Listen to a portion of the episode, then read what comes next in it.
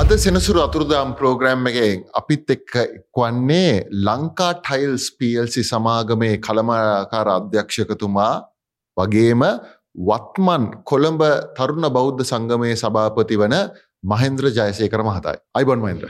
හයිබන්නවා. මයින්ද්‍ර අද අපි කතා කරමු පුළුල් පරාසයකින්. මංහිතන්නේ තාරුණ්‍යය ගොඩක් බලාපොරොත්තුවෙන් ඉන්න වැඩ සටනත්තමයි මේ සෙනසුරු අතුරදහම වැඩසටාන මහිතන්නේ තාරුණයට අපි ආමන්ත්‍රණය කරන ගමම්ම සමාජයටත් පනිවිඩයක් දෙන්න පුළුවන් ආකාරයට අද අපි ටොපික් එක ගෙනියමු. මහින්ද්‍ර මං ආසයි පටන්ගන්ඩ සාමාන්‍යයෙන් එක්කෝ ස්කෝල ඉවර වෙලා හෝ විශ්වවිද්‍යාල ඉවර වෙලා හෝ තාරුණ්‍ය එනවා එක්ක ජොබ් එකක් කරන්න එමනත්තම් වැඩිපුරේ කරගන්න එතකොට මේ ජොබ්බයක් හරි වෘතියකට එනවා නම් සාමාන්‍යයෙන් ඔබේ මේ අත්දැකීම් එක්ක තමාගේ මේ වෘත්තිමය මට්ටමින් ඉහළ තැනකට යන්න පටන් ගැම්ම වැදගත්නේ. එතකොට මේ පටන් ගැන්ම අපි දකිනවා මේ අද කාලේ ඉන්න තාරුණ්‍ය මං හිතන්නේ අපේ අවධියත් එක්ක සංසන්දනය කරද්දී ටිකක් වෙනස් ආකාරයකට යනවා. එතකොට ඒ ගැන පොඩ්ඩක් ඔබ පසු විපරමක් කරොත් ඔබ කොයි විදිහේ ක්‍රමවේදයක්ද මේ තාරුණ්‍යයට කියන්නේ පටන් ගන්න කියලා. නිර්මල් මෙහෙම ඇත්තටම මම හිතන්නේ මේ ප්‍රශ්නයක් තියෙනවා. දැන් තරුණ තරුණියෝ දැන් යම්කිසි අධ්‍යාපනයක් ලබනවානේ. අපිතුම කලාංචය වෙන්න පුළුවන් වාණිජංචය වෙන්න පුළුවන් ගණිතය වෙන්න පුළුවන් විද්‍යාව වෙන්න පුළුවන් එක එක දේවල් වාස්තු විද්‍යාව වෙන්න පුළුවන් හුඟක් දේවල් තියෙනවා. හැබැයි එතකොට මේ මේගොල්ලන් හිතනවා හුඟක් වෙලාවලට දැන් මට මට ග්‍රහණය වෙන තරුණ තරණය සම්මුඛ පරීක්ෂණවලදීම හම්බෙන තරුණ තරණයන්ගේ අදහස තමයි හුඟක් අය උත්සාහ කරනවා තමුන් ඉගෙනගත්ත විශේධාරාව හරහා විතරක් ඉස්සරහට යන්න. ෆිල්ඩ එක විතරක් ඉස්සරහට යන්න. මගේ ෆිල්ඩ එක මේකයි මගේ ෆිල්ඩ එක මේකයි ම යන්න මේක කියලා. හැබැයි සමහර වෙලාවල්ලට වෙන දේ තමයි හැමෝටම එහෙම තමුන්ගේ ෆිල්ඩ එකේම ගිහිල්ල සාර්ථකත්වය ලබාගන්න හම්බෙන්නේ නෑ. එතන තියෙනවා මම මම මම දකින දේ තමයි උදාහරණයකට මම. මම ගණකාධිකාරීවරයෙක්. වෘතියෙන් ගණකාධිකාරය. මම ජීවිතයට ගණකාධිකාරිවරයෙක් හැටියට වැඩ කරලා නැහැ. හරි. එතකොට මගේ ඒ වෙලාවේ තිබිච්ච අදහස තමයි මට ඕන ජොබ් එකක් කරන්න පුළුවන්. ඕන ජොබ් එකක් කරන්න පුළුවන්. අන්න ඒ ආකල්පේ තියෙන්න ඕනේ තරුණ තරුණියන්ගේ. අධ්‍යාපනයේ අරමුණ මොකක් හරි ඉස්සරහට ගිය ඒ තමුන් ඉගෙනගත්ත විශේධාරාවෙන් ඉස්සරහට ළමෙක්ව ගෙනියගෙන එක නෙමෙයි අතරම. අධ්‍යාපනයේ අරමුණ තමයි දන්න දේ නෙමේ නිර්මාල් වැදගත්. මට වැදගත් ඔයා දන්න දේ නෙමෙයි ඇත්තටම. මොකද ඔයා අද දන්න දේ හෙට වැදගත් නොවෙන්න පුළුවන් ඇත්තටම. අද හෙට අදාළ වෙන්න ඇති වෙන්න පුළුවන්. වැදගත් දේ තමයි නොදන්න දේ කොච්චර ඔයාට ඉක්මනට හොයාගන්න පුළුවන්ද කියන එක. එතකොට අධ්‍යාපනයෙන් ලැබෙන්න ඕනේ ඉන්නේ ඒක.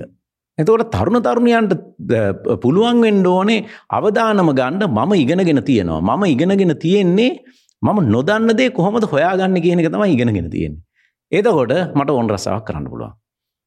දැන් මම ඔයා කිව්වා වගේ ලංකටයිල්ස් ආයතනයේ කළමනාකාර අධ්‍යක්ෂකවරයා. මට මම අවුරුදු 26ක් මේ තනතුරේ හිටියා. එකම තනතුරේ. මට ප්‍රමෝෂණයක් කවදක්වත් හම්බෙලා නෑ හරි. එතකොට එතකොට නම් මම ගණකාල මට අවුරුත් තිස්ස එකයි ම මේ ආයතනයට රැකියාවට නොට ඒක මම රස්සා රස්සාාව කැටිට අයමකොද මට මේක කොටස් තිබුන්නෑ මගේ අම්මල තාතරන මේකෂය අස්තිබුන්නෑ නෑදෑයෙක් ළඟන මේක තිබුණේම එතකොට මම ඔයා මගින් අදහැවොත් මහන්ද්‍ර ටයිල්ලයක් කොහොමද හදන්න කියලා ම දන්න එක කියල දෙන්නට මොක ඒක නෙමේ මගේ ජොබ් එක. හැබැයි ඔයා මටකිවත් මහන්ද්‍රමට ටයිල්ලයක් හදල දෙන්න පුළුවන්ද කියලා මට පුළුවන් නිර්මාල්ට කියන්න නිර්මාල්ලෝ ටයිල්ලයක් හදන්න දන්න එක්නෙට කියලා මංවට ඔන් ටයිල්ල හදවල දෙන්නම් කිය අන්න ඒකතයි වැදගත්තම තරුණ තරුණයෝ ඔන්න ඕක පැහැදිලිය තේරුම් ගන්න ඕන. එහෙම නැත්තං හැම විසි ඉගෙනගත්ත හැම විෂයම ඕන තරන් රස්සා නෑ. කැමති තමුන් ඉට ඉන්න තැන ඉඳලා ඕනම පරිසරයක රස්සාවල් කරන්න පුළුවන්ගෙන් ඕන. ම වරලක් ගැනකාධිකාරය වනටත් සමහරලාට කියනවා. දැන් මම හන දැ රස් දැන් වර්ලක් ගනක අධිකාරීවරු හන ගැන තරුණය මං හපුහම දැම් මොනවද හොෙන් රස්සා කියල ඒකොලන් ගැන එකකවන්ටන් කෙනෙක්ෙන් රස්සාාව වෙනවා ෆිනන්ස් වැනජ කෙනෙක්ෙන් රස්සාාව වෙන එමනත්තන් අපිතු ඉන්ටන් ලඩ් කෙනෙක්ෙන් රස්සාාව වෙන ඒවගේ රස්සාතම හන්න ඉති මංහනයි ප්‍රඩක්ෂන් මනජ කෙනෙක්ෙන් රස්සාාවක් හන්ඩක මාකටින් මනජ කියන ජොබ්බේකට ප්ලයි කරන්නක? ෆක්ටරි මනජ කියලා ජොබ්බේකට ප්ලයි කරන්නක? ඔපරේෂන් වනජ කියලා ජොබ්බේකට ප්ලයි කරන්නක? එහෙම හිතන්න පුළුවන්ගෙන්න්න ඕනේ. ඒක ඇමගේ පන්විඩේ ඕ මහිතන්නේ වැදගත් කාරණයක්කාවේ මහින්ද. මහිතන්නේ ජොබ්බයක් කියන්න ඉතින් අවස්ථාවන්නේ අවස්ථාව. ජීවිතය අපිට අවස්ථාවල් නවා. අවස්ථාවන් ඒ වෙලාවේ ප්‍රෝජනයට ගත්තනෑ කියන්නේ ඊට පස්සිතින් අපිට කියන්න බෑ නැව ගියා කියලා. සොරි සොරිම තමයි. හැබැයි මෙහෙමත් හිතන්නකෝ. මේක ලංකාවේ ගොඩක් අය තාම ඉන්න මේ සංසන්ධනාත්මක ලෝකේ. ආ, අර ළමයා මේ විදියට යනවා මගේ පන්ති එක්කෙන මේ විදියට යනවා. මේක ඔබහිතන පරිදි අපිට ලොකු බලපෑමක් ඇති කරනවා මංහිතන සෑහන බලපෑමක් ඇති කරනවා. මොකද ඒක ඒක වෙලා තියෙන්නේ අර ඔය- ඔය ඔය තියෙන ප්‍රශ්නය මොකද මං කිව වගේ තමුන් ඉගෙනගත්න විශේධාරාව හරහා ඉස්සරහට යන්න පුළුවන් හැමෝටම යන්න බෑනේ. එතකොට මේ අපේ තරුණ තරුණියෝ ඇත්තටම තමුන්ගේ වාසනාව එහෙම නැත්තම් වාසනාව නෙමෙයි හැකියාව. හැකියා උරගා බැලීමක් කරන්නේ නැත්තං අපිට අනිවාර්යෙන් සංසන්ධනය කර කරම තමයි ඉන්න වෙන්නේ ඇයි අපි අපේ හැකියාව උරගා බලන්නේ ඇත්තටම ඔයා හිතල බැලුවොත් හුඟක් අය ඒ කියන්නේ ජීවිතේ රස්සාාවෙන් වුණත් අනිත් දේවලින් වුණත් ඉහලට ගියාය බැලුවොත් හුඟක් වෙලාල්ලි වෙලා තියෙන තමුන්ගේ විශේපතයෙන් එලියෙන් ගිහිල්ල තමයි ජයග්‍රහණය අත් කරගන්නේ. අන්න ඒකයි වැදගත්. එතකොට මේ සංසන්ධනාත්මක ලෝකේ ජීවත්වන එක තේරුමක් නෑ. ද අවස්ථාව ගැන කිව්වොත් නිර්මාල් හොඳ අවස්ථා හොඳ අවස්ථා සමහරිට එන්නේ ජීවිතයට එක සැරයයි. ඒ අවස්ථාව ගන්න ඕනේ. A good opportunity will come once in lifetime. When that comes, you got to take that. ඒක ඇරියම් පස අහිත් opportunities එන්න ම හැමෝටම කියනව. හොඳ අවස්ථාවක් එන්නේ ජීවිතයක සරයයි. ඒ ඒක ඒක අඳුනගන්න පුළුවන්ගෙන ඒ අල්ලගන්න පුළුවන්ගෙන්ට. සංසන්ධනය කරන එක තේරුමක් නෑ සංසන්ධනය කරනකින් ජයග්‍රහණයක් ලබන්න බෑතර. ඕක අනිත් පැත්ත තමයි තරඟකාරිත්තය. දැන් මේ තරඟකාරි ලෝකයකනන්නේ දැන් ගොඩක් අය අපි දැන් විශ්වවිද්‍යාල පද්ධතියත් අපි කතා කරද්දී මහෙන්ට ඇහුවම රයිට් පුතේදුවේ දැන් ඉවරුනාම මොකක්ද කරන්න කියලා ගොඩක් වෙලාවට කියන්නේ ලංකාවේ ජොබ්බයක් කරන්න. එනත රාජ්‍යංශය ජොබ්බයක් කරන්න. හැබැයි අපේ සමගාමී අපිත්තක තරඟවදින කලාපියරටවල් එක්ක ළමයි එක කතා කරාම කියන්නේ අපිට ඕනේ මේ රටේ ගිල්ලා විවසායකෙක්වෙන්න හ්ම්. වනත මේ ෆෝචුන් 500 කොම්පනයේ සීයෝ කෙනෙක්වෙන්ඩ එතකොට ඒ පරිශ්‍රයත් එක්ක අපි තරංවදින ලංකාව තුළේ නෙමෙයි කියන මානසික මට්ටම අපි අයින්ෙන්න්න ඕන්න මහින්ද්‍ර. ඕ එතකොට ඒ මානසික මට්ටමෙන් අයින්වෙන්ඩ නම් අපි මොකක්ද මේ තාරුණයට දෙන්න ඕන පනිවිඩ දෙමවපියන් හිටියට අපි මොකක්ද කරන්න ඕනේ?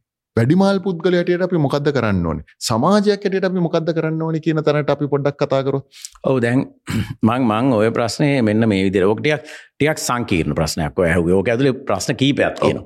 එතකොට මං මේක දකින්න මේ විදිට දැන් අධ්‍යාපනය ගැන අපි කතා කරන්නේ නිර්මල්.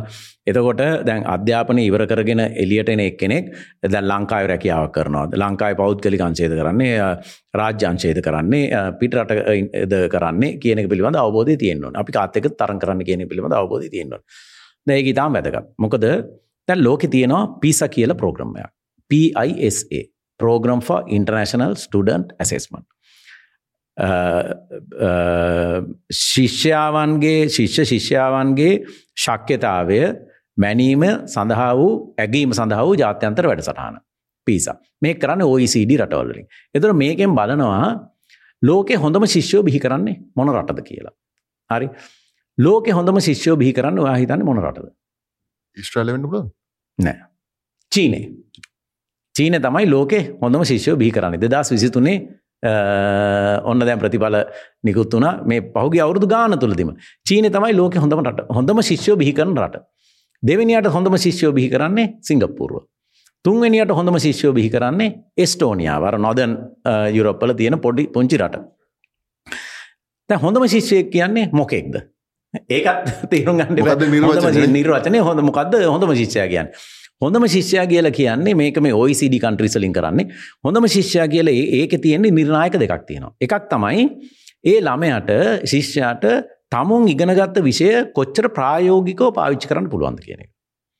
දෙවෙනි එක තමයි තමුන් ඉගෙනගත්ත විෂය පාවිච්චි කරලා වෙනත් විෂයන් ගැන කොච්චර හිතන්න පුළුවන්ද කියන එක. පුළුල් විදිට පුළුල් විදියට හිතන්න පුළුවන්ද කියන එක. උදාහරණයක් කරට මම ඉගෙන ගත්තේ අපිතුම් වානීජ. එතොර මම විද්‍යාව පිළිබඳ ප්‍රශ්නයක් දෙහ අපිතුමන් ලංකට ඉල්ල එක කෙමිස්ත්‍රි හුගක් තියෙන ම දැන් කෙමිස්ත්‍රි ගැන කොහොමද හිත් දකින්නේ? එතර ම ලීගල් ප්‍රශ්නයක් ගැන නීති ප්‍රශ්නයක් ගැන කොහොමද දකින්නේ? මම මූල්‍ය ප්‍රශ්න අධ්‍යය කොහොමද දකින්නේ? ම දේශපාන ප්‍රශ්න අධ්‍යය කොහොද බලන්න? ම ආගමික ප්‍රශ්න අධ්‍යය කොහොද බලන්න? ඒ වගේ පුළුල් පරිසරයක් ඇතුළත කොච්චර හදන්න පුළුවන්ද කියලා. මේ හිතන්න පුළුවන්ද කියලා. ද ලංකාව ඔයා හිතන්නේ මේ මේ මේ වැඩසටහනේ කොහෙදන්න මොන මොන මොන මොන මොන ඉලක්කමේද ඇත්තේ? දැන් එක චීනේ දෙක සිංගප්පූරුව තුන එස්ටෝනියාව. ලංකාව ඔයා හිතන්නේ කොහේ ඇද්ද අකමැත්තෙන් වුණත් කියන්න පුළුවන් පණහටත් වඩා පිටිපස්සෙන් අපි මේ අපි මේ වැඩසටහනේ පලාතකවත් නෑ. සීයවත් නෑ. එකසිය පණහයවත් නෑ. ද ඒක අදහස මොකක්ද ඒක අදහස තමයි අපේ අධ්‍යාපන ක්‍රමයෙන් බිහිවෙන අය. මමත් ඇතුළත්වා ඔයත් ඇතුළත් මං කියන්නේ. ඔයත් ඇතුළත් එතර මේක ආගින්න උගක් ඔක්කොම ඇතුළත් මේකට මේ අපිට අපේ අධ්‍යාපන ක්‍රමයෙන් අපේ අපි ඉගෙන ගන්නදේ ප්‍රායෝගිකව කොහොමද පාවිච්චි කරන්න කියන එක පිළිබඳ උගන්නලා නැහැ ඇත්තටම. ඒ වගේම අපි මේ ඉගෙන ගන්න විෂය පාවිච්චි කරලා අනිත් විෂයන් දිහා බලන්නේ කොහොමද කියන එකත් උගන්නලා නැහැ. ඒකින්ද තමයි දැන් අපි හිර වෙන්නේ. දැන් දැන් බලන්න චීනේ සාමාන්‍යයෙන් අවුරුද්දකට චීනේ අධ්‍යාපන ක්‍රමයෙන් මිලියන 30ක් ළමයි එළියට එනවා. ඒ මිලියන 30 එන්නේ ලෝකේ හොඳම ශිෂ්‍යයෝ හැටියට. සිංගප්පූරුවේ ළමයි සාමාන්‍යයෙන් 40000ක් විතර එනවා එළියට අධ්‍යාපන ක්‍රමයෙන්. එන්නේ දෙවෙනි හොඳම ශිෂ්‍යයෝ හැටියට. එතකොට දැන් බලන්න සිංගප්පූරුවට ළමයි 40000කට කරන්න බැරි දේ චීනේ මිලියන 30කට කරනවා. මිලියන 30කට කරනවා. එතකොට අපිට මේ ලක්ෂ හතරක් එළියට එනවා අපේ අධ්‍යාපන ක්‍රමයෙන්. මේ ලක්ෂ හතරට අපිට මේකට පලාතටවත් යන්න විදිහක් නැහැ. එතකොට අපිට අපේ මේ පිළිබඳව සාකච්ඡාවකුත් නැහැ. එතකොට දැන් මං කියන්නේ දැන් අපි තේරුම් අපි තිස්සෙල්ලම ස්වයං ස්වයං විවේචනය කරන්න ඕනේ. අපි ඇතුළාන්තේ බලන්න ඕනේ. අපි තේරුම් ගන්න ඕනේ ලෝකයේ අනිත් ළමයිත් එක්කලා සංසන්දනය කරලා බලපුවාම අපි පලාතකවත් නැති ළමයි ටිකක් ඉන්නේ. අපේ බදු මුදල් අපි මේ අවුරුද්ද බිලියන 500ක් වියදම් කරන අධ්‍යාපනයට. හැබැයි බිලියන 500 වි- අධ්- වියදම් කරලා මේ හදන ළමයි ටික ලෝකයේ අනිත් අධ්‍යාපන ක්‍රම වලින් බිහි වෙන ළමයි එක්කලව ළමයි එක්කලා පලාතෙන්වත් තියන්න බැරි ළමයි සෙට් එකක් තමයි අ, බිහි කරන්න. ඉතින් අපිත් එහෙමයි අවාසනාවකට. අඩේ මොකක් හරි වාසනාවකට අපි මෙතන ඇවිල්ලා ඉන්නවා. ඉඳ- ඉඳගෙන ඉන්නවා මේ කතාව කරන්න. එතකොට තියෙන ප්‍රශ්න තමයි දැන් අනිත් රටවල් එක්කලා වුණත් තරඟ කරත් දැන් මේ අපේ රටේ ඉන්න අය තේරුම් ගන්න ඕනේ අපි අපේ රට ඇතුළ කරන්නේ මොකද්ද? අපි අනිත් රටවල් එක්කලා තරඟ කරන එකනේ කරන්නේ. අපි තුන් ඔයා පෞද්ගලික අංශයට මේ අධ්‍යාපන ක්‍රමයෙන් ආවා. ඔයා තරඟ කරන්නේ අද තරඟ කරන්නේ අනිත් රටවල් එක්කලා තියෙන සමාගම් එක්කලා. ඔයා දේශීය ව්‍යාපාරයක් වෙන්න පුළුවන් කරන්නේ. හැබැයි එක්ක ඔයා අ, අපනයනය කරනවා. අපනයනය කරද්දි ලෝක වෙළඳපොලේ තියෙන අනිත් ආ- ආයතනත් එක්කලා තරඟ කරනවා. එහෙම නැත්නම් ඔයා දේශීය වෙළඳ භාණ්ඩයක් නිෂ්පාදනය කරනවා නම් ඔයා ඉම්පෝර්ට් කරන බඩුත් එක්කලා ආනයනය කරන බඩුත් එක්කලා තරඟ කරනවා. හැබැයි ඒ ඔයාගේ තරඟකාරයෝ ඉන්නේ ඔයාට වැඩිය හුඟක් උඩින්. ඔයාට වැඩිය හුඟක් උඩින්. ඔකට එතකොට- කතාවත් තියෙනවනේ මේ කුසලතා යුද්ධයක් කියලා. කුසලතා යුද්ධය. කුසලතා යුද්ධය. එතකොට අපි තේරුම් ඕනේ අනිත් එක්කෙනා එක්කලා හිටගෙන ඉන්න එක තැන හිටගෙන ඉන්න අපිට දුවන්න ඕන ඇත්තටම. You have to run to stand still with others. ඕක අපි හරියට තේරුම් ගන්න. ඕක ඇත්තටම ළමයින්ට ඉස්සෙල්ලා අම්මලා තාත්තලා තේරුම් ගන්න ඕනේ වැඩි හිටියෝ. එතකොට ඒගොල්ලන්ට පුළුවන් වෙන්න ඕන අපිට පුළුවන් වෙන්න ඕන වැඩි හිටියෝ හැටියට කියන්න පුතේ දුවේ මේ අධ්‍යාපන ක්‍රමයෙන් උඹලට හම්බෙන දෙයක් නෑ ඇත්තටම. ඒකන් අනිත් ලෝකෙට සාපේක්ෂව උඹලට මහලොකු දෙයක් හම්බෙන්නේ නෑ. ඉගෙන වෙනවානේ. ඒක පිළිගන්න ඕන අපි. ඒක පිළි අරගෙන ඒක හිතේ තියාගෙන ලෝකෙට මූුණ දෙන්න කොහොමද පිළිබඳ කියලා අලුතෙන් හිතන්න ඕනේ. අලුතෙන් හිතන්න ඕනේ. එහෙම නැත්තම් කොහොම ජීවිතය සාර්ථක වෙන්න ඕක වෙලා තියෙන අපි හිතනවා විශ්විද්‍යාලෙන් එලියට ආපුවාම ස්කෝලෙන් එලියට ආපුවාම අපි තමයි පොරවල් කියලා. අපි සියලු දේ දන්නවයි කියලා. හැබැයි එලියට බැස්සාම තමයි තේරෙන්නේ අපි මුකුත් දන්නේ නැහැ නේ බලද්දි. මොහොතක් දෙන්න මහින්ද්‍ර සෙනසුර අතුරදාම් ප්‍රෝග්‍රෑම් එක බලඟින් නම්ම තාත්තේ. මේක මහිතන්නේ වැදගත්ම පනිවිඩයක් හේතු ඇවිල්ලා අ, මමත් තාත්තගෙන කෙරියට මහින්ද්‍ර තාත්තගෙන කෙරියට අපි හැම වෙලාම් බලන්න අපේ ළමයිට උපරිම පලට්ෆෝර්ම්යක් ලබා දෙන්න ජීවිතය ජයග්‍රණය කරන්න. ඒ ඒ අධ්‍යාපනයෙන් වෙන්න පුළුවන් සමාජ සංස්කෘතියෙන් වෙන්න පුළුවන්. එතොට මේ මහන්ද්‍ර එන්ඩ හදන්න යන්න එතන්ට. ඉතිමං ඒකයි පොඩ්ඩක් බාධා කල්ලා මේ මෙසේජ්ජක දෙන්න බලන්න. මොකද අම්මල තාත්තලාට පුළුවන් මෙතනදී ලොකු රෝල්ල එකක් ප්ලේ කරන්න. ඉතින් මහින්ද්‍ර අයිත් පටන්ගව කතාව. එ මං ඇතර කියන්න ඇති.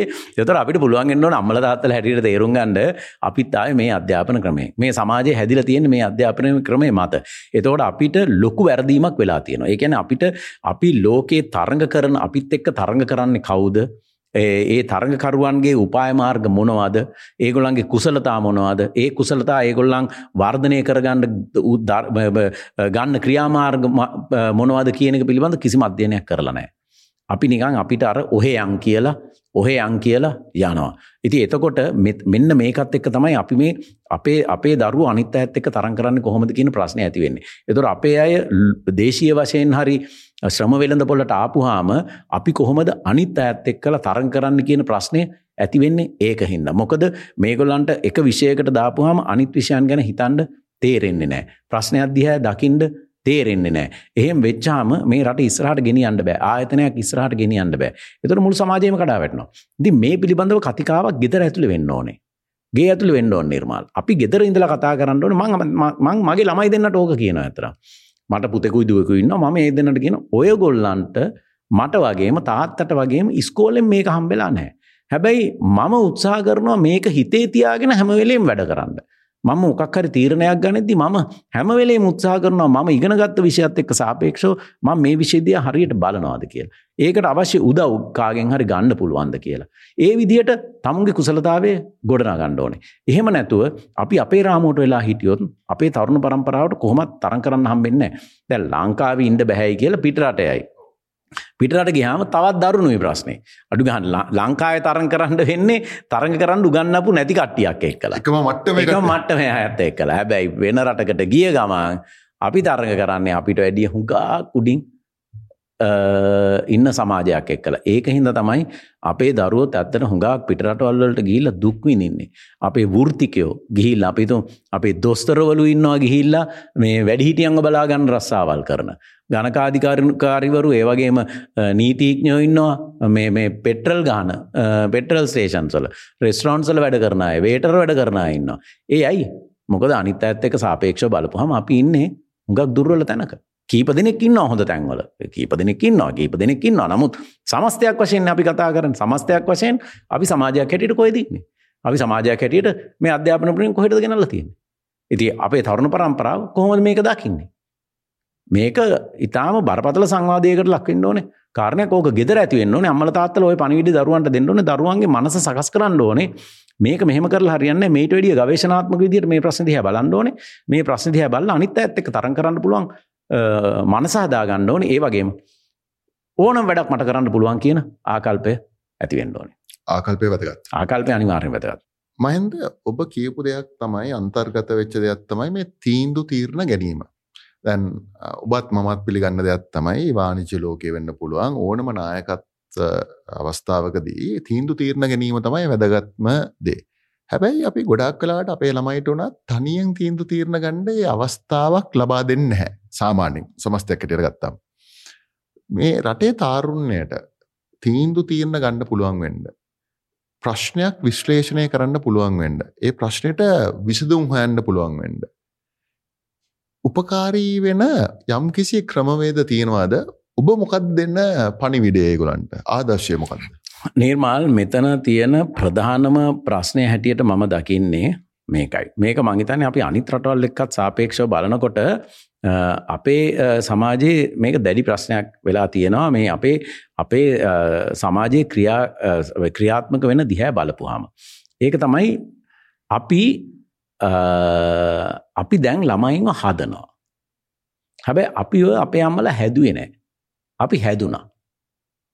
මේ දෙක අතර ලොකු වෙනසක් තියෙනවා. ළමයෙක් හැදෙන එකයි ළමයෙක් හදන එකයි අතර ලොකු වෙනසක්. ඒ කියන්නේ මෝල්ඩ් එකකට දාලා හදනවද? ඔව්. දෙන්න දෙනවද? හැදෙන. ඒ කියන්නේ මේක ඉංග්‍රීසියෙන් කියනවා නම් we grew up. today we bring up children. මේක තමයි තියෙන ප්‍රශ්නේ. එතකොට අපිට අපේ අම්මලා අපිට කවදක්වත් අපේ පුතේ ඔයා අදමනවාද කණ්ඩ කැමති මේ කණ්ඩ කැමති දේමං හදල දෙන්නම් එහෙම එකක් අපේ ගෙවල්ල තිබුන්නේ. අපේ අම්මලා ඒ ගෙදර තියෙන දේ හැදවා මේසට තිබ්බා මෙන්න කෑම ලෑස්ති කනවනම් කාපන් කියලා කිව්වා. අපි ගිහිල්ලා කෑවා. හැබැයි අද එහෙම නෙමෙයිනේ. අද අම්මලා තාත්තලා අහනවා ඔයා මොනවද කන්නේ අකමැති මොනවද කියලා ඒ විදිහට අද ෆ්‍රයිඩ් රයිස් කැමති නිකන් එහෙම එහෙම කියලා හදනවා ළමයින්ව. මේ හැදීම තුලින් වෙන්නේ මොකද්ද? ළමයාට අභියෝග වලට මුහුණ දෙන්න තියෙන හැකියාව අපි සම්පූර්ණයෙන් මරලා දානවා. සම්පූර්ණයෙන් මරලා දානවා ඇත්තටම. ඒකින්ද තමයි ඇත්තටම දැන් අපි අපි සමාජයේ දැක්කහම දකින්නේ මේ මේ අභියෝගවලට මුහුණ දීලා එන ළමයි තමයි සමාජයේ උඩට එන්නේ. හැබැයි අර අවාසනාව තියෙන්නේ ඒ උඩට එනකොට ඒගොල්ලන්ව හරියට උඩට ගේනල්ලා හරි තැන තියන්න පුළුවන් මේ මේ මේ මේ විදිහක් ක්‍රමයක් අපේ හැදිලා නෑ ඇත්තටම.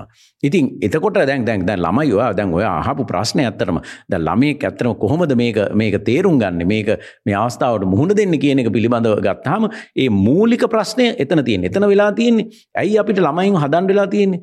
මේ සමාජ ක්‍රමේ හරියට ක්‍රියාත්මක වෙන්න තින්දන ඒ කියන්නේ දැන් ළමයෙක් එළියට තනියෙන් අරින්න බයයි ඒ ළමයා මොනවට බැහැ වේද කියලා බයයි. ඊට පස්සේ ඉස්කෝලේ ඇතුලෙන් විතරක් අධ්‍යාපනය හම්බ වෙන්නේ ටියුෂන් පන්ති ගණනාවකට යන්න ඕනේ. ඒ වගේ ලොකු ලොකු අපසරියක තමයි මේ ළමයාව අපි හදන්න හදන්නේ. එතකොට මේ ළමයා මේකේ අභියෝග වලට කිසිම විදිහකින් මුහුණ දෙන්න එතකොට යාට ඒ අභියෝගවලට මුහුණ දෙන්න තියෙන හැකියාව සම්පූර්ණයෙන්ම බිඳ වැටලා තියෙන්නේ ඇත්තටම. ඉතින් එතන තමයි ඇත්තටම ඕතන ඕකට උත්තරේ තියෙන්නේ. මොකද ඔන්න ඕකෙන් අපි ගැලවෙන්න ඕනේ. හැබැයි මේක ගැලවෙන එක ලේසි නෑ. මේක ගැලවන්න නම් මේ සමාජයේ ක්‍රියාත්මක කරන ක්‍රියාත්මක වෙන විදිහ පොඩ්ඩක් වෙනස් කරන්න ඕනේ ඇත්තටම.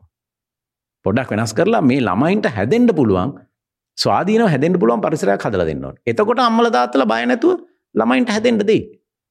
එතකොට ඔය ඔය ඔය ආපු ප්‍රශ්නයට නිකම් උත්තරේ හම්බෙනවා ඇත්තටම. ඒකයි මගේ අදහස ඇත්තට ඔය සම්බන්ධයෙන් ගත්තාම. එතකොට දැන් ඔබ ඔය සම්මුඛ පරීක්ෂණයට එන තාරුණ්‍ය එක්ක බලද්දි සාමාන්‍යයෙන් ක්‍රමවේද නම් වෙනස් වෙන්න පුළුවන් ව්‍යාපාරෙම ව්‍යාපාරයට. ඔබ වැඩි ප්‍රවණතාවයක් දෙන්නේ සුදුසුකම් තියෙන පුද්ගලයෙක්ටද කුසලතා තියෙන පුද්ගලයෙක්ට. දෙවැනි එක. ඔබ වැඩි අවස්ථාවක් ලබා දෙන්නේ කුසලතාවලින් ඒ තැනේ හැටියට ඇනේ ගහන්ඩ පුළුවන් හැකියාවක් තියෙන එක්කෙනෙක්ටද එම නැත්තන් කණ්ඩායම් හැඟීමක් ඇතුළුව බාහිරකයාකාරකං ගොඩක් කරපු අධ්‍යාපනය වැඩිදුරට ගොඩක් කරපු නැති එක්කනෙටද දැ මේකමං අහන්ඩ හේතුවත් තියෙනවා. මොකද අපිට අර හරි අයිඩියල් කැන්ඩරේට් කෙනෙකු හැන්ඩ බෑන. හැබැයි අපේ ව්‍යාපාරස්ථානවල අපිට නොයකුත් හැකියාවන් තියෙන පුද්ගලය ඉන්නවා හැබැයි මේ තාරුණ්‍ය අපි කතා කරම විශ්වවිද්‍යාල පද්ධතිය හිතනවා මේ රෙකරූට් කරදදි මෙන්න මේ වගේ කෙනෙක්ව තමයි රෙකරූට් කාන්ඩ කැමති. අපි මේ විදියට යන්න ඕනේ කියලා. ඔබේ මොකක්ද අදාසය ගැන? මෙම ඇත්තරම සම්මුඛ පරීක්ෂණවලදී මම ඇත්තරම හුඟක් ඇගීමට ලක් කරන්න හදන්නේ. දැන් සුදුසුකම් කියන අවශ්‍යයි. මොකද ඉස්කෝල ගිහිල්ල තියෙන්න්න ඕනේ නිර්මාල් ඉස්කෝලෙ ගිහිල්ලා ඒ ලෙවල් කරලත් තියෙන්න්න ඕනේ. මොකද ම ඇත්තනම ඒලෙවල් කරලා තියෙන එකැන උසස් පෙළ දක්වා ඉගෙන ගැන එක එක රස්සා මට්ටන් වලට මම කියන අපිතුම විදාගිල් ධාරය කියලා. විදාගිල් ධාරය එහෙම නැත්තං අපිතුම සුපරීක්ෂකවරය කියන තත්තිරුණ අධ්‍යාපනය උසස් පෙළ දක්වා ගිහිල්ල තියෙන්න්න ඕනේ. මම ඇත්තට උසස් පෙළ කියන එකේ වටිනාකම තියෙන්නේ නිර්මාල් ළම එතනින් ගෙනගත්ත එක නෙමේ ඉගෙන ගත්ත දේ ගැන නෙමේ මට එච්චර ලොකු මේකක් තියෙනද උසස් පෙළ ගැන කතා කරද. උසස් පෙළට කියන එකේදී මට තියෙන වටිනාගම තමයි උසස් පෙළ ඉන්නේ ළමයා හොන්දට ඇගේ ලේ රත්වෙච්ච ළමයෙක් ඇත්තටම. එතවට මේ ඇගේ ලේ රත්වෙච්ච ළමයා පැය පහක් ඉස්කෝලට ගිහිල්ලා ටීච කෙනෙක් කියන දෙයක් අහගෙන ඉන්නවා. ඒ විනේ තමයි මට ඕන ඇත්තරම. මේ කවරුහර කියන දේ අහගෙන මොක දැන් හුඟක් අය සමාජය ඉන්න කියන දේ අහන් ඉන්න බෑ ඇත්තරම මේ ගොල්ලන්ට. කවරුවත් කියන දෙයක් අහගින්ට බෑන ඒවට ප්‍රතිචාර දක්කන්න හදනවා කියල ඉවර කරන්න ඉස්සෙල්ල ඇතනවා. ඉති එතකොට ඒ ඒ සුදුස්කම අවශ්‍යය එතකොට විශ්වවිද්‍යාලයකට ගිහිල්ලත් ඇත්තරම ළමයෙක් යම් කිසි අධ්‍යාපනයක් ලබල එනකොට එතකොට යාට විෂානු බද්ධ අධ්‍යාපනයක් හම්බෙනවා හැබැයි මට වැදගත් ඒක නෙමේ මට වැඩගත් ඒට වැඩිය තියෙන් ඕනේ අර කුසලතාවේ කුසලතාවේ කියන එකේ අදහස නිර්මාල් මම හැමයිලායම උත්සා කරන්නේ මට වැදගත් අපිතුම ඔයා සම්මුඛ පරීක්ෂණයකට එනවන. මට වැදගත් ඔයා අද ඉගෙනගෙන තියෙන දේ නෙමෙයි. ඒක යම්කිසි වැදගත්කමක් තියෙනවා. හැබැයි ඒක නෙමේ වැදගත්. මොකද අද අද ඔයා අදගෙනගෙන තියෙන නොලේජ් එක අද තියෙන දැනුම හෙට වැඩක් නැතිවෙන්න පුළුවන්. හෙට ඒ හෙට ලෝකයට අදාල නැතිවෙන්න පුළුව විශේෂම තාක්ෂණය තාක්ෂණය දුණු විදියට එතවට මට ඔයාගෙන් වැදගත් ඔයා නොදන්නදේ කොච්චරික්මට හොයාගෙන එන්න පුළුවන්ද කියන එකයි. අන්නේ කුසලතාවේ තමයි මම හැම්ම වෙලේම මයින්ඩ හදන්නේ සම්මුඛ පරීක්ෂණයකදී. මේ ළමයා දන්න දේට වැඩිය නොදන්න දේ කොච්චරික්මට හොයාගන්න පුළුවන් ළමයෙක්ද කියන එක. එයිට අමතරව මං විශේෂ දේකට සැලකිල්ල දක්කනවා. මම සාමාන්‍යයෙන් විදායක ශ්‍රේණියයට බඳවගන්නේ නෑ ක්‍රීඩා නොකරපු ළමයෙක්ක. අනි හරෙන් ක්‍රීඩා කරලා තියෙන්න්න ඕනේ මොකද මම ගැමනේම කියන්නේ ක්‍රීඩා කියනකත් නිකම් මේ ගමේ නිකන් ගිල්ල එල්ල ගහල වෙලේ එල්ල ගන එකක් නෙමේ ඒමන මේ තරඟකාරී විදියට ක්‍රීඩා කරලා තියෙන පුද්ගලීන්ට මම ඇත්තටම ප්‍රමුඛතාවේ දෙනවා. සාමාන්‍ය මංහිතන්නේ අපේ අපේ ආයතනයේ විදායක නිලධාරයන්ගෙන් අංගතන් සියට අනු පහක් අනු පහක් ඇත්තටම කම්පිටිටිව්ලි තරංකාරී විදියට ක්‍රීඩා කරපු අය. මොකද ඒ ක්‍රීඩා කරපු ඒ ක්‍රීඩා මේවයකින් තමයි ඇත්තරම කණ්ඩායමක් එක්ක කොහොමද වැඩ කරන්න පුළුවන්? පුළුවන්ද? ජයට වැඩිය පරාජය කොහොමද බාරගන්න පුළුවන්? පරාජය හමුවේ අනිත් ඇත් එක්ක වැඩ කරද්දි ක්‍රිටිසිසම් විවේචන කොච්චර දරාගෙන ඉන්න පුළුවන්ද? කියන විනය ඒ ඔක්කොම හැදෙන් එතන. මට සාමාන්‍යයෙන් මේ අපේ ආයතනයේ වැඩ කරනකොට සාමාන්‍යයෙන් එක්කෙනෙක් දිහා ටිකක් ටික දවසක් යනකොට මේ කියන්න පුළුවන් මෙයා හොඳට ස්පෝර්ට්ස් කරපු එක්කෙනෙක්ද නැති එක්කෙනෙක්ද කියලා කියන්න පුළුවන් හැසිරෙන විදියෙන් එක එක දේවල් වල ප්‍රවේශය ගන්න විදිහෙන් අතරම ඉතින් සුදුසුකම වැදගත්. හැබැයි සුදුසුකමට වැඩිය වැදගත් කුසලතාවය කුසලතාවය තියෙන්නේ නොදන්න දේ කොච්චර ඉක්මනට හොයාගන්න පුළුවන්ද කියන එකයි කණ්ඩායමක් එක්කලා කොහොම වැඩ කරන්න පුළුවන් කියන එකයි. අන්න එතනින් ඒ වගේම නායකත්වයේ කොච්චර ගන්න පුළුවන්ද කියන එක. මොකද හොඳ එම්ප්ලොයි කෙනෙක් කියන්නේ නිර්මාල් මම එයාව දකින්නේ අර person who has best potential for personal growth එක. තමුන්ගේ පෞද්ගලික වර්ධනයට හොඳම අවස්ථාව තියෙන ළමයා තමයි හොඳ සේවකයෙක් කියලා. ඔව් සේවකයාව තමයි මම හොඳ සේවකයෙක් කියලා දකින්නේ. එහෙම නැතු දන්න දේ මත නෙමෙයි. මහිතන අර පෞද්ලික වර්ධනය පර්සනල් ඩෙවලප්මන්ට් එක ඉතාමත්ම වැදගත් කාරණය මහින්ද්‍ර මං අපි දකිනවා සමාල්ලාට සාර්ථක වෙච්ච පුද්ගලයොත්. රටේ සැපටමිය සම්මතයක් වගේ දීනවා මේ මනසේ මේ කාලෙදී ඉගෙන ගන්න. ඕන්නන් මොකක්කරි පශ්චාත් උපාදයක් කරි මොකක්කරි කරනවා. අවශ්‍ය මුණොත් ප්‍රමෝෂණ එකට ගිලා ට්‍රේනිංයක් කරනවා. හැබැයි අකණ්ඩව අපිගෙන කන්ටිනුවස්ලි තමාගේ මේ ප්‍රොෆෙෂනල් ඩෙවලප්මන්ට් එක දියුණු කරන්න වැඩි දැක්මක් නෑල්මක් නැති ගතියක් තියනවා. එතකොට හැබැයි අපි අනිතරටල්ල එක සංසධනය කරදදි මහිතන ඒගොලන් ගොඩක් කලට ආයෝජනය කරනවා තමන් ගැනම. තමාටම කියන ඉන්වස්ටිං සෙල් ඒකන ඔබේ මොකක්ද අදස මේක ඇත මෙතන තියෙන ප්‍රශ්නය දැන්ව පර්සනල් ඩිවලප්මන්ට් එකට තියෙන ඇපිටයිට් එක රුචිය රුචි අඩුකමයි එතකොට අර ඔයා කිව වගේ දැම් ඉන්වස්ටින් යසෙල් තමුන් මත ආයෝජනය කරන්න තියෙන තියෙන ආසාාව රුචිය කියන එක පිළිබඳව ගත්තොත් මං මේ ප්‍රශ්න දිහ දකින්නේ මෙන්න මේ විදියට නිර්මාල්. අපි අපේ අධ්‍යාපන ක්‍රමයෙන් හරහා ඒවගේ අපේ සමාජය අපේ ගෙවල්වල අපි ළමයින්ට ගන්නන්න නෑ ලොකෝට හිතන්ඩ. we don't we don't teach them to think big ඒක තමයි ඉස්සෙල්ලාම මේ කරන්න ඕනේ. මොකද මම මේ ළඟදී වරලත් ජනකාධිකාරී ආයතනයේ පොඩි වැඩමුළුවකදී අලුතෙන් විභාගේ පාස් වෙච්ච වරලත් ජනකාධිකාරිවරු දෙසීයකට කතා කලා දෙසියකට කතා කරද දැන් මට කතා කරන්න ඉස්සෙල්ල කතා කරපු එක්කෙන මට පොඩි අවස්ථාවක් තමයි දුන්න. එයාගේ කතාව නවත්තලා මගේ කතාව කරන්න. එයා එයාගේ කතාව නැත්තු එයාකිව එතන හිටපු ගණකාධිකාරීවරුන්ට අවරලත් ජනකාධිකාරීන් කොලයක් අරගෙන ලියන්ඩ කියල කොලේක තමුන්ගේ පරමාර්ථය මොකක්ද කියලා ඇම්බිෂන් එක. ඇම්බිෂන් එක මොකක්ද කියලා පරමාර්ථය මොකක්ද කියලා. එතර ඒගොලන් ඒ කොලේක ලිව ඉට දැම් මට දැයා ඒ ලියන්ට කියලා බෑල මට දැම් මයික දුන්න. ඉද ම මයික කරගෙන මං ඉස්සෙල්ලාම ඇවේ දැන් ඔගල ලිවන ඔගලන්ගේ ඇම්බිෂණ එක මොකක්ද කියලා. කී දෙනෙක් ලිව්වද මට මේ රටේ ජනාධිපතියෙන් ඕනේ කියලා. කියල මං ඇහවා. එකනෙක්වත් අතේසුවේ නෑ මංක අන්න එතන තයි ප්‍රශ්න තියෙන ඒක තයි ප්‍රශ්නය කවුරුවත් ලොකෝට හිතන්නේ ඉගෙන ගත්තා අය ලොකෝට හිතන්නේ ලොකෝට හිතන්න නැත්තං ඒකෙන් ඒකෙන් භාගයක්වත් යන්න බෑ. එතකොට ලොකුවට හිතන්න නැත්තං ඒ ලොකුවට හිතපු දේ ඉෂ්ට කරගණ්ඩ ඩිවලප්මන්ට එකක් අවශ්‍ය නෑනේ එතොර කටිනුවස් ප්‍රෆෙෂනල් ඩිවලප්මට එකක් නෑ තමු මත ඉන්නෙස් කරන්න දෙයක් නෑ හැබැයි තේරුම් ගණ්ඩ ඕනෙ දෙ මේකයි. ඉගෙන ගත්තා එහෙම හිතුවේ නැතුවට ඉගෙන ගන්න නැති අය ලොකූ දේවල් හිතනවා ඇත්තට ඒ සමහරිට නූගත්කම හිද වෙන්න පුළුවන්. සමලට මේ ගේම් එක ගේම් එක රැඳීන්ට තමුන්ට කරන්න බැරි දේවල් කරන්න හදනවා.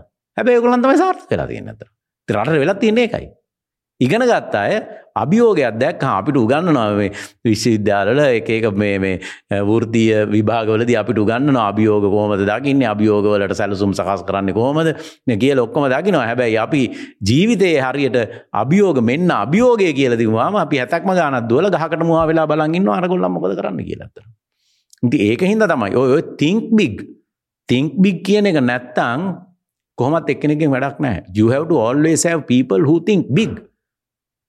You have to think big to make big. එහෙම නැත්තම් you will never make it big. තෝකෝ ඒක නැතිවෙනකොට තමුන්ට පර්සනල් ඩිවලප්මට එකට අවශ්‍යතාවයක් නෑ අපි මෙහමනි. ම පෞද්ගලික හිතන නෑ. මට මේ රටේ ජනාධිපති වෙන්න ඕනයි කියලා. එන මගේ වැඩ කරනවා ඇතරම ඒ ඉගෙන ගන්න පුළුවන් දේවල් ඉගෙන ගන්නවන. මොකක්ද මෙතන තියෙන මේක මේ ගේම එක මොකක්ද කියලා ඉගෙන ගන්නවන. මේකට මට අවශ්‍ය සම්බන්ධතා මොකක්ද අවශ්‍යෝන කියලා ඒ හදන්න පටන් ගන්නවන ඇතරම එහෙම දෙයක් නැත්නම් මමත් නිකන් සමාජයේ පල්ලෙන මිනිහෙක් වෙනවා ඒ සමහරලාට සේවකයෙක් හැටියට අපි හිතනවා මේක මේ කොම්පනියකෙන් තමයි අපේ වෘතිය පුහුණු වැඩසටන් වලට අපි ඔය යවන්න ඕනේ කියලා. නැතුව තමා ගිහිලා යම් කිසි දෙයක් කරලා ඉගෙනගෙන ඒකෙන් අගයක් නිර්මාණය කළා බ්‍රෑන්ඩ් නේම් එකක් හදාගන්න කියන එක ගැන පොඩ්ඩක් අපි රුචිකත්වයක් නෑ නැහැ. රුචිකත්වයක් නෑ එතන ඒක වෙලා තියෙන ඇත්තම ඒක ඇත්ත නිර්මාල් දැන් ඔය දැන් උදාහරණයක් හැටියට Uh, දැන් අපි සේවකින් ඇගීමට ලක් කරනවානි. දැන් සේක සේවකින් ඇගීමට ලක්කරද්දිත් අපි ඇත්තටම හොයලා බලන්නේ අ, මේ සේවකයා අලුතෙන් දේවල් ඉගෙනගන්න කැමති පුද්ගලෙද්ද කියලා හොයලා බලනවා නිකම් බොරුවට මිනිස්සුන්ට ට්‍රේනිං දීලා වැඩක් නෑ ට්‍රේනිං ඇත්තටම අර සම සාමාන්‍යයෙන් සමස්තයක් හැටියට කියනවා ට්‍රේනිං 80ක් වේස්ට් කියලා.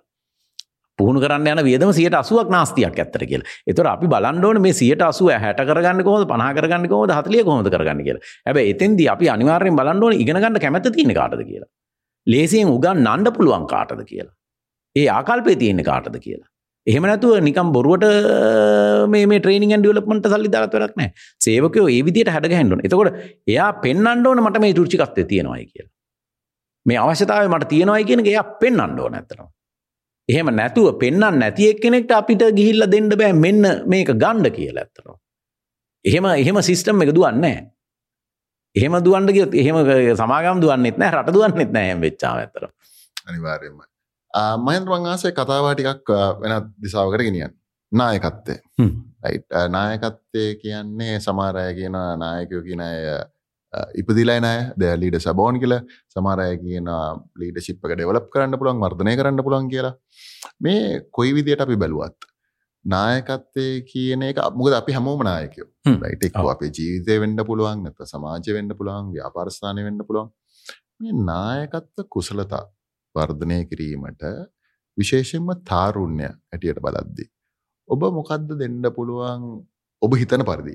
මොකක්ද ගන්න ඕන ක්‍රමවේදයකොළ මොකද නායකත්වය ඉතාමත්ම වැදගත් තාරුණ්‍යයෙන් විශේෂයෙන් මේ වගේ අවස්ථාවක අපේ රටටත්. මොකද නායකය බිහිවෙන්න ඕනේ. ඔව්. නායකයෝ ඉස්රාට ඇවිල්ල සමාජ ආර්ථික විප්ලවයක් ඇති කරන්න පුළුවන් වෙන්න ඕන. හැබැයි ඒක නිකංගෙන්ඩ ඒක කරන්න නම් නායකෙක් වෙන්න නම් මොකක්ද මහෙන්ද්‍ර කරන්න ඕනේ මේ තාරුණ්‍ය අපේ? දැන් මෙහෙම ඇත්තටම තරුණයෝ තේරුම් ගන්න ඕන දෙයක් පැහැදිලි දෙයක් තියෙනවා. මම දකින දේ නිර්මාල් ලංකාවේ තරුණ සමාජයේ ඇත්තටම නායකත්වයට තියෙන රුචිය අ, රුචිය තියෙනවා. හැබැයි ඒක ටිකක් වැරදි විදිහකට ඒ රුචිය තියෙන්නේ. අ, මං මං එහෙම කියන්නේ දැන් මේ අපේ තරුණ තරුණ දැන් මටත් මටත් හුඟක් හම්බ වෙනවා ඇත්තට තරුණ තරුණියෝ. දැන් ඔය කොළඹ තරුණ බෞද්ධ සංගමය හරහා තරු- හම්බ වෙනවා. දැන් මේ මේ තරුණ තරුණියන්ගේ තියෙනවා ආකල්පයක් නායකත්වය කියන එක අපිට දෙන්න ඕනේ කියලා ඇත්තටම. තනතුරු කියන එක අපිට දෙන්න ඕනේ කියලා. හැබැයි එහෙම නායකත්වය කියන එක කවුරුවත් දෙන්නේ නැහැ. අන්න ඒක ඉස්සෙල්ලාම තරුණ තරුණියෝ තේරුම් ගන්න ඕනේ නැත. නායකත්වය කියන එක දෙන්නේ නැහැ ඇත්තටම කවුරුවත්. ස- තාත්තා පුතාට දෙනවා නායකත්වය. ඉතිහාසෙත් එහෙම දෙනවා. එහෙම එහෙම වර්තමානෙත් එහෙම උත්සාහ තියෙනවා ඇත්තටම. තා- හැම වෙලේම තාත්තා පුතාට නායකත්වය දෙන්න හදනවා. හැබැයි එහෙම නැතුව නායකත්වය දෙන්නේ නැහැ කවුරුවත්. නායකත්වය කියන එක බලෙන් ගන්න ඕන දෙයක් ඇත්තටම. ඒ කියන්නේ නායකත්වය වෙනුවෙන් ක්‍රියා කරන්න ඕනේ. එතකොට නායකත්වය කියන ගුණය තමුන් ඇතුළේ තියෙන්න ඕනේ. දැන් දවකිවන නාය නායකයෝ බිහි වෙනවා කියලා නා- ඒ කියන්නේ සමහර අය කියනවා ලීඩර්ස් ආ බෝන් කියලා. හැබැයි මට හිතෙනවා ලීඩර්ස් can be made කියලා. Leaders can be made. ඒ ලීඩර්ෂිප් ස්කිල්ස් ටික ඩිවලොප් කරවන්න ඕනේ ඇත්තටම. ඒතකොට ලීඩර්ෂිප් ස්කිල්ස් ටික ඩිවලොප් කරන්න ලී- අපිට මට නායකයෙක් වෙන්න ඕනේ. මම නායකත්වයක් දෙන්න ඕනේ කියන එක මගේ ඇඟ ඇතුලේ තියෙන්න ඕනේ. ඒක අර in the belly කියලා බඩ ඇතුලේ ගින්දර තියෙන්න ඕනේ. යෝගේ බාරගන්න පුළුව අබ අභියෝගේ බාරගන්න පුළුවන් වෙන්න ඕනේ. ඇගේ බඩ ඇතුලේ ගින්දර තියෙන්න ඕනේ ඇත්තටම. මේක අපි කරනවා කියලා. මම මේක කරනවා. කියන නායකත්වය කියන ඒ කුසලතාවේ යම් කිසි විදියකට මේ තරුණ තරුණ තරුණිය අතරේ තියෙන්න ඕනේ. හැබැයි අර අර මං කිව්ව අපි ළමයින්ව හදනවා. එතකොට අපේ අධ්‍යාපන ක්‍රමයෙන් හරි දේවල් හම්බෙලා නැහැ කියන දේවල් ඇතුලෙන් වෙලා තියෙන්නේ මේ ළමයින්ට ඇත්තියෙනවා යම් කිසි හැඟීමක් මේ සියලු දේ අපිට ලබා දිය යුතුයි කියලා තරුණ තරුණියන්ට. එහෙම ලබා දෙන්න ඉතින් ඔන්න ඔය ඔය මානසිකත්වයෙන් බිඳෙන්න්න ඕන. බිඳිලා ඇත්තර මාන ලීඩශිප් ස්කිල්ස් ලීඩශිප් ස්කිල්ස් තියෙන ටික ඇත්තට හරියට හරියට හදා ගන්න ඕන ඇත්තරම ලීඩශිප් කිල්ල එක මොකක්ද කියලා. මොකද ලීඩශිප් කියන එක ලීඩශිප් කියනක ම මෙම දැ මැනේජ්මන්ටන් ලීඩශිප් කියන. ප්‍රශ්නයක් තියෙනවාන දැන් දැ මැනේජ්මන්ට් කියන්නේ නිර්මාල් මට මේක ඩයිග්‍රෙස් කරනවාද වන්දන්න ඇබැයි ද ඔය බැලුත් මැනේජ්වන් කියන එකන් ටර්ම් එක එටිමලෝජය එක ගැන කොහොමද මෙතැන් ඩාවි කියන එක මැනේජ්වන් කියන වචන හැදිල තියෙන්නේ ග්‍රීක් වචනකින් මානුස් කියලා මානුස් කියන්නේ ග්‍රීක් වලින් අත් කියන එක. එතකොට අත්වලින් කරන්න පුළුවන් සියලු දේ තමයි මැනේජ්මන්ට් කියන්නේ. ඒක මැනේජ්මන්ට් කියන්නේ ලොජිකල් ෆන්ක්ෂන් එකක්. ලොජිකලි කරන්න පුද අපිතු මැනේජන් කිවා අපිට හිතන අපිට එන වචන මොනවද? සුපයිස් කරන එක. කෝඩිනේට් කර ගැන සුපරීක්ෂණය සම්බන්ධී කරණය සැලසුම් සකස් කිරීම සැලසුම් ක්‍රියාත්ම කිරීම පාලනය කිරීම. මේ ඔක්කොම ලොජිකල් දේවල්. මේ තාර්කිකව කරන්න පුළුවන් දේවල්. හැබැයි ලීඩසිප් කියන තාර්කික නෑ ලීඩසිප් කියන්නේ සයිකලොජිකල් මානසිකයි. මොකද ලීඩ කෙනෙක් කියන්නේ චලෙන්ජ් කරන්න පුළුවන් ෙන්ඩෝනේ අභියෝක කරන්න පුළුවන් න්න උද්දීපනය කරන්න පුළුවන් න්න ඉන්ස්පය කරන්න පුළුවන් න්න මොඩල් කරන්න පුළුවන් න්න ගයිඩ් කරන්න පුළුවන් මේ ඔක්කෝ සයිකලෝජිකල් ෆංක්ෂන් ඇත්තනවා මේක තේරුම් ගන්න ඕනේ. මේ මැනේජ්වන් ටිගෙනගෙන මැනේජන් ෆංක්ෂන්ස් ඩියලප් කලයි කියලවා ලීඩ කෙනෙක් වෙන්න ලීඩශිප් එකට වෙන ස්කිල් සෙට් එකක් තියෙනවා. මේක තේරුම් ගන්න අනිත්තක තමයි ලීඩ කියන්නේ ඇත්තම ලීඩසිප් කියන වචනය මට මතකන හරියටම ඒගේ මේ මේ මුල වචන ඒක හැදිල තියෙන්නේ ම දන්න විදිට ෆ්‍රෙන්ච්වර්ඩ් එකකින් ඒක අදහස ගොයින් ටු ගෙද කියන එක ලීඩ කියන්නේ ලීඩ is always a person who goes together together with other people එතකොට ඒගොල්ලන්ගේ සයිකොලොජි එක මොකක්ද කියලා හරියට අයිඩෙන්ටිෆයි කරගන්න ඕනේ. මොකද හැමෝම එක විදිහට හිතන්නේ නැහැනේ. මේ හැමෝම එක විදිහකට එක්කන් යන්න පුළුවන් එක්කෙනෙක්ට පුළුවන් ලීඩර්ෂිප් එක ගන්න. ඉතින් ওই ස්කිල් සෙට් එක හදන්න ඕනේ. ඕක ගැන පොඩ්ඩක් හිත යොමු කරන්න ඕනේ ඔය ගැන හිතන්න ඕනේ ඒ හිතලා අර මම කිව්ව වගේ ඕකට පොඩ්ඩක් බඩගින්න ඇති කරගන්න ඕනේ නොකා හිඳලා හරි හරි බඩගිනි වෙනකොට තමයි අපි හොයන්නේ මං කොහොමද මේ ලීඩර්ෂිප් එක මේ ලීඩර්ෂිප් ස්කිල් එක ඩෙවලොප් කරන්න කියලා. හැබැයි ප්‍රශ්නේ තියෙන්නේ මේකයි. මේක අපි රටක් හැටියට මේ තරුණයන්ට දෙන්න ඕනේ දෙයක් ඇත්තටම. අපි මේ ස්කිල් සෙට් එක දිය යුතුයි.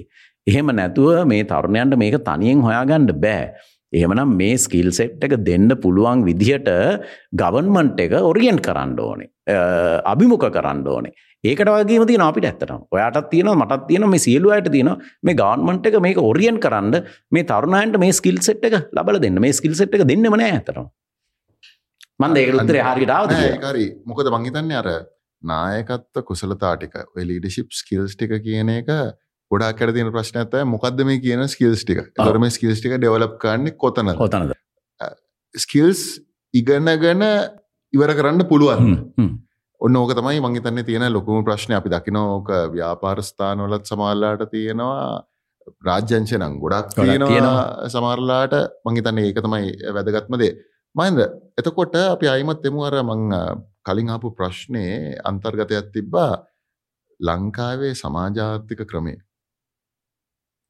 ඉදිරි දිශානතියට තාරුණ්‍යයේ ලොකු බලපෑමක් ඇති කරන්න පුළුවන්. එතකොට මේ තාරුණ්‍ය කොහොමද පෙළගස්සන්න ඕනේ. තාරුණ්‍ය කොහොමද මේ අභියෝග භාරගන්න ඕනේ. රටට කැක්කුමක් තියෙන විදියට රට වෙනුවෙන් ඉදිරි දිශානතිය විතියට වැඩ කරන්න කොහොමද කියන එක ගැන මොකක්ද මහෙන්ද්‍ර අපිට දෙන්න පුළුවන් උපදෙස අපිට මොකක් දෙන්න පුළුවන් උපදෙස වගේම සපෝට් එක සපෝට් එක දැ මේමයි අපි අපි බලන්ඩ පෑ දැන් ප්‍රශ්න තියෙනවානේ ප්‍රශ්නය තමයි ඇත්තටම දැන් ඔයා කිව වගේ තරුන් අපිතු රට හරියට යන්නේ නෑ ඒ අපි හම පිළිගන්නවාන. දැ ආණ්ඩුවත් කියන රට බංකලොත් කියලා. හරි. එතකොට රට හරියට යන්න නෑ එතොට රෙම් ද රට හරියට යන්න දැන් එතොට ප්‍රශ්නය රට හරියට යන්න ඇතියක ප්‍රශ්නට හේතුවත් දන්නවන. ප්‍රශ්න හේතුවතයි මේකට හරි ලිඩිසිප තිබුණ නැතිය ඇතර පොලික ලිඩිසිප තිබුණෙත් නෑ එකනමික් ලිඩිසිප තිබුණෙත් නෑතර එතකොට එතොට ප්‍රශ්නයට හේතුවත් දන්නවාද දැන්. ප්‍රශ්නයට උත්තරේමකක්ද මේ මේ මේ ලීඩිසිප් එක බිල් කරන එක. මේ තොර දැම බිල් කරන මාර්ගය තමයි දැන් හොයන්නේ. ඒකන දැම ප්‍රශ්න මේ හරියට බුද්ධහම චතුරාර්ය සත්‍යය වගේ ෆෝන් හෝබල් ටුත්ස් වගේ හරියට ප්‍රශ්න දන්න ප්‍රශ්නට හේතුව දන්න ප්‍රශ්න විසඳම දන්න දැන් ප්‍රශ්නට විසඳම ප්‍රශ්න විසඳම හොයාගන්න විදිද හොයනවා. දැන් මෙතන මෙතන තියෙන ප්‍රශ්නය තමයි මේ ප්‍රශ්නයට විසඳම හොයා ගැනීමේදී නිර්මාල් හුඟක් අයට හුඟක් අයගේ මනස ව්‍යාකූලයි මේ මනස ව්‍යාකූල වෙලා තියෙන්නේ ඇත්තට මේ කාලයක් තිස්සේ මේ අපේ අධ්‍යාපන ක්‍රමේ කඩා වැටීම හරහතමයි මේ ප්‍රශ්නය ඇති වෙලා තියෙන ඉතින් ඒ මේක කඩා වැටලා තියෙන්නේ මේ ප්‍රශ්නේ මෙහෙමයි තියෙන්නේ කියන එක අවබෝධ කර ගැනීමත් මේ ප්‍රශ්නේ හරි මාර්ගයේ තෝරගන්න හුඟක් උදව් වෙයි කියලා මම විශ්වාස කරනවා. දැන් මේක මේක වෙලා තියෙන දැන් මෙහෙමනේ නිර්මල් දැන් දැන් දැන් ලංකාවට නිදහස් අධ්‍යාපනය අඳුනල දුන්නේ CWW කන්නංගර මහත්මයන් එක්දා සම්සි හතලිස් පහේ. එතොට මෙයා මේ අධ්‍යාපන ක්‍රමය අඳුනල දෙනකොට එයාගේ තිබුණ එක අරමුණක්. ඒ අරමුණ තමයි ලංකාව සියලු දරුවන්ට අධ්‍යාපනයට සමාන අවස්ථා ලබාදීලා ඒ හරහා ලංකාවේ තිරසාර සංවර්ධනයක් ඇතිකර ගණ්ඩ අවශ්‍ය අත්තිවාරම දාන එක.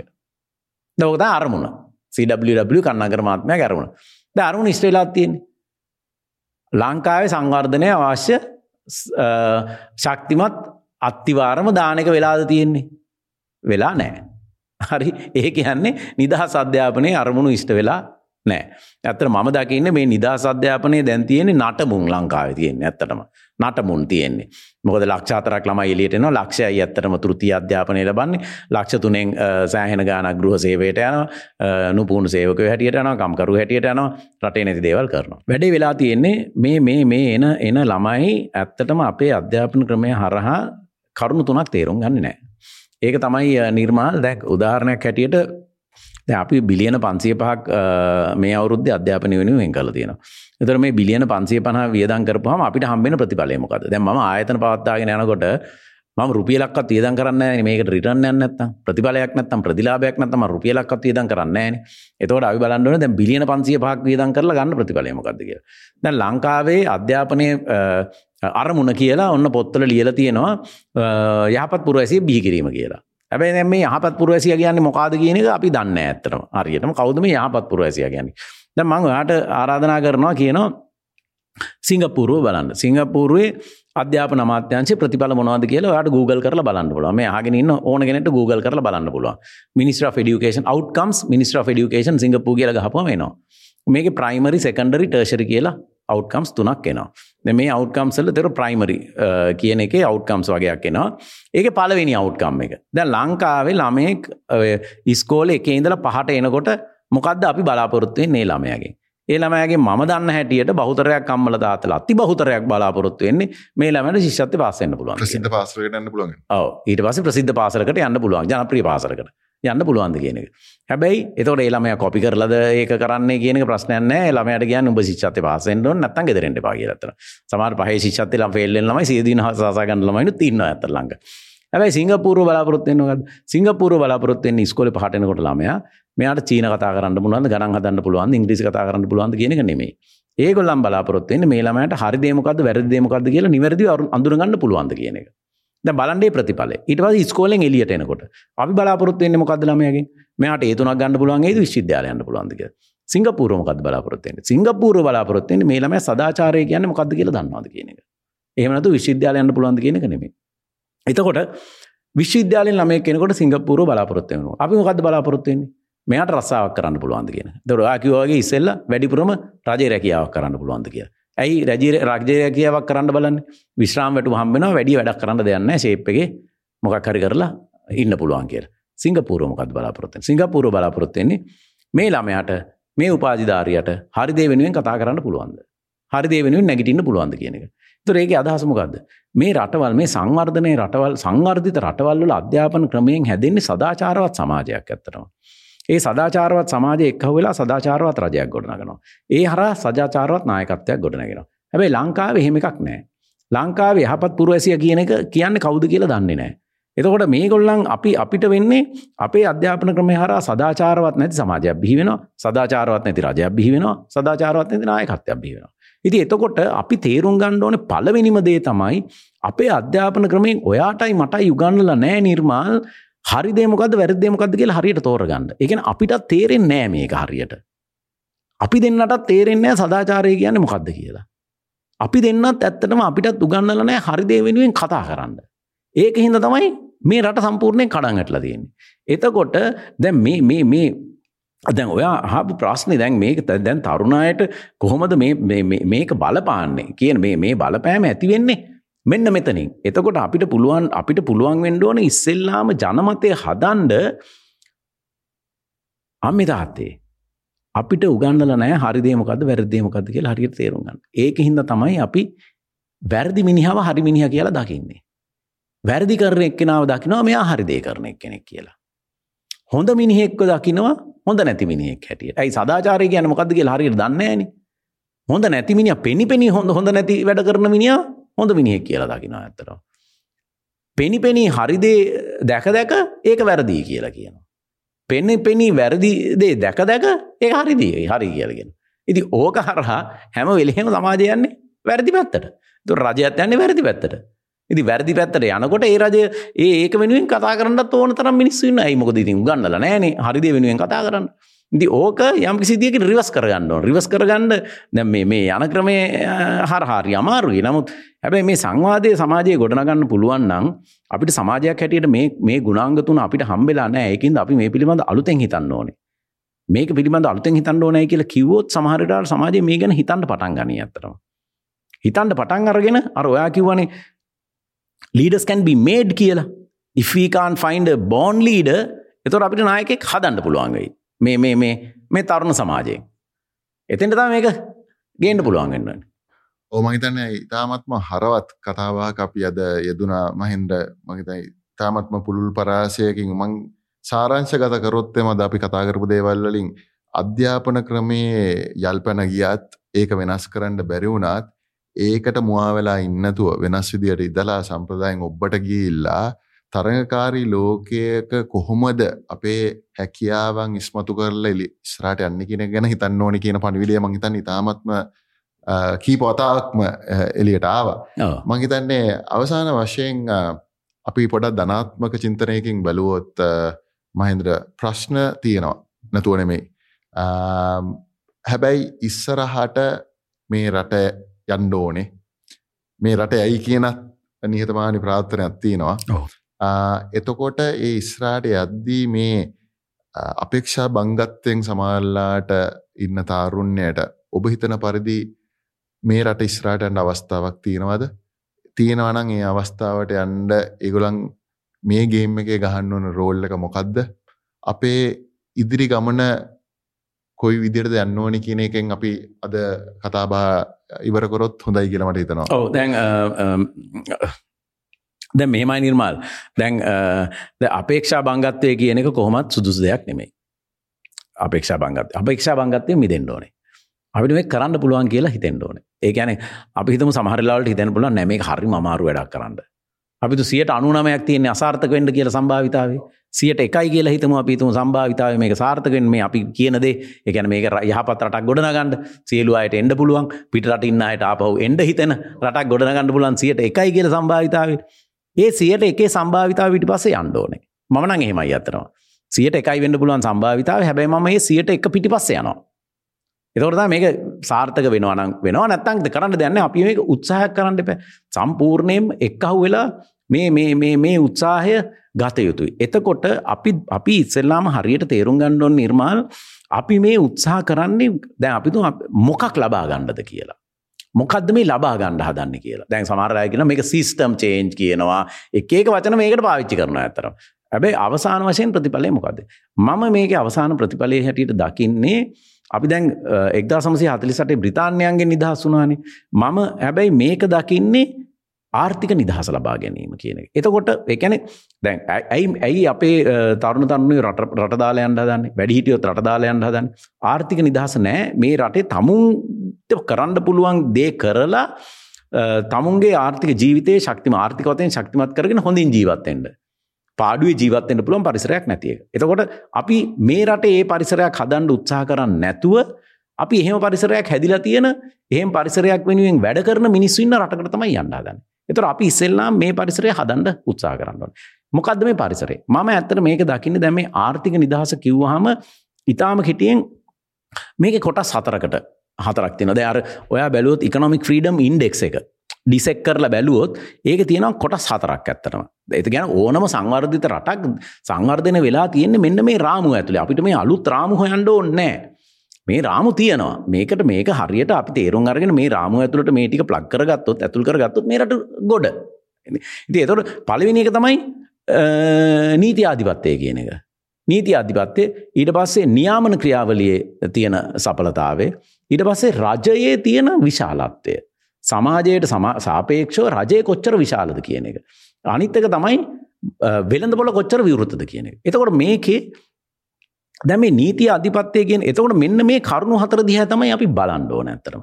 එතට මේ මේ කරුණු හතර දැන් රජයේ අපි හිතමු නීති ආධිපත්‍යය කියන එක ගත්තාම අපි ඇත්තටම හුඟක් වෙලාවලට ඒකේ පළවෙනියෙන්ම එකක් තියෙන්නේ මේ දේපල හිමිකම් පිළිබඳව තියෙන අයිතිය.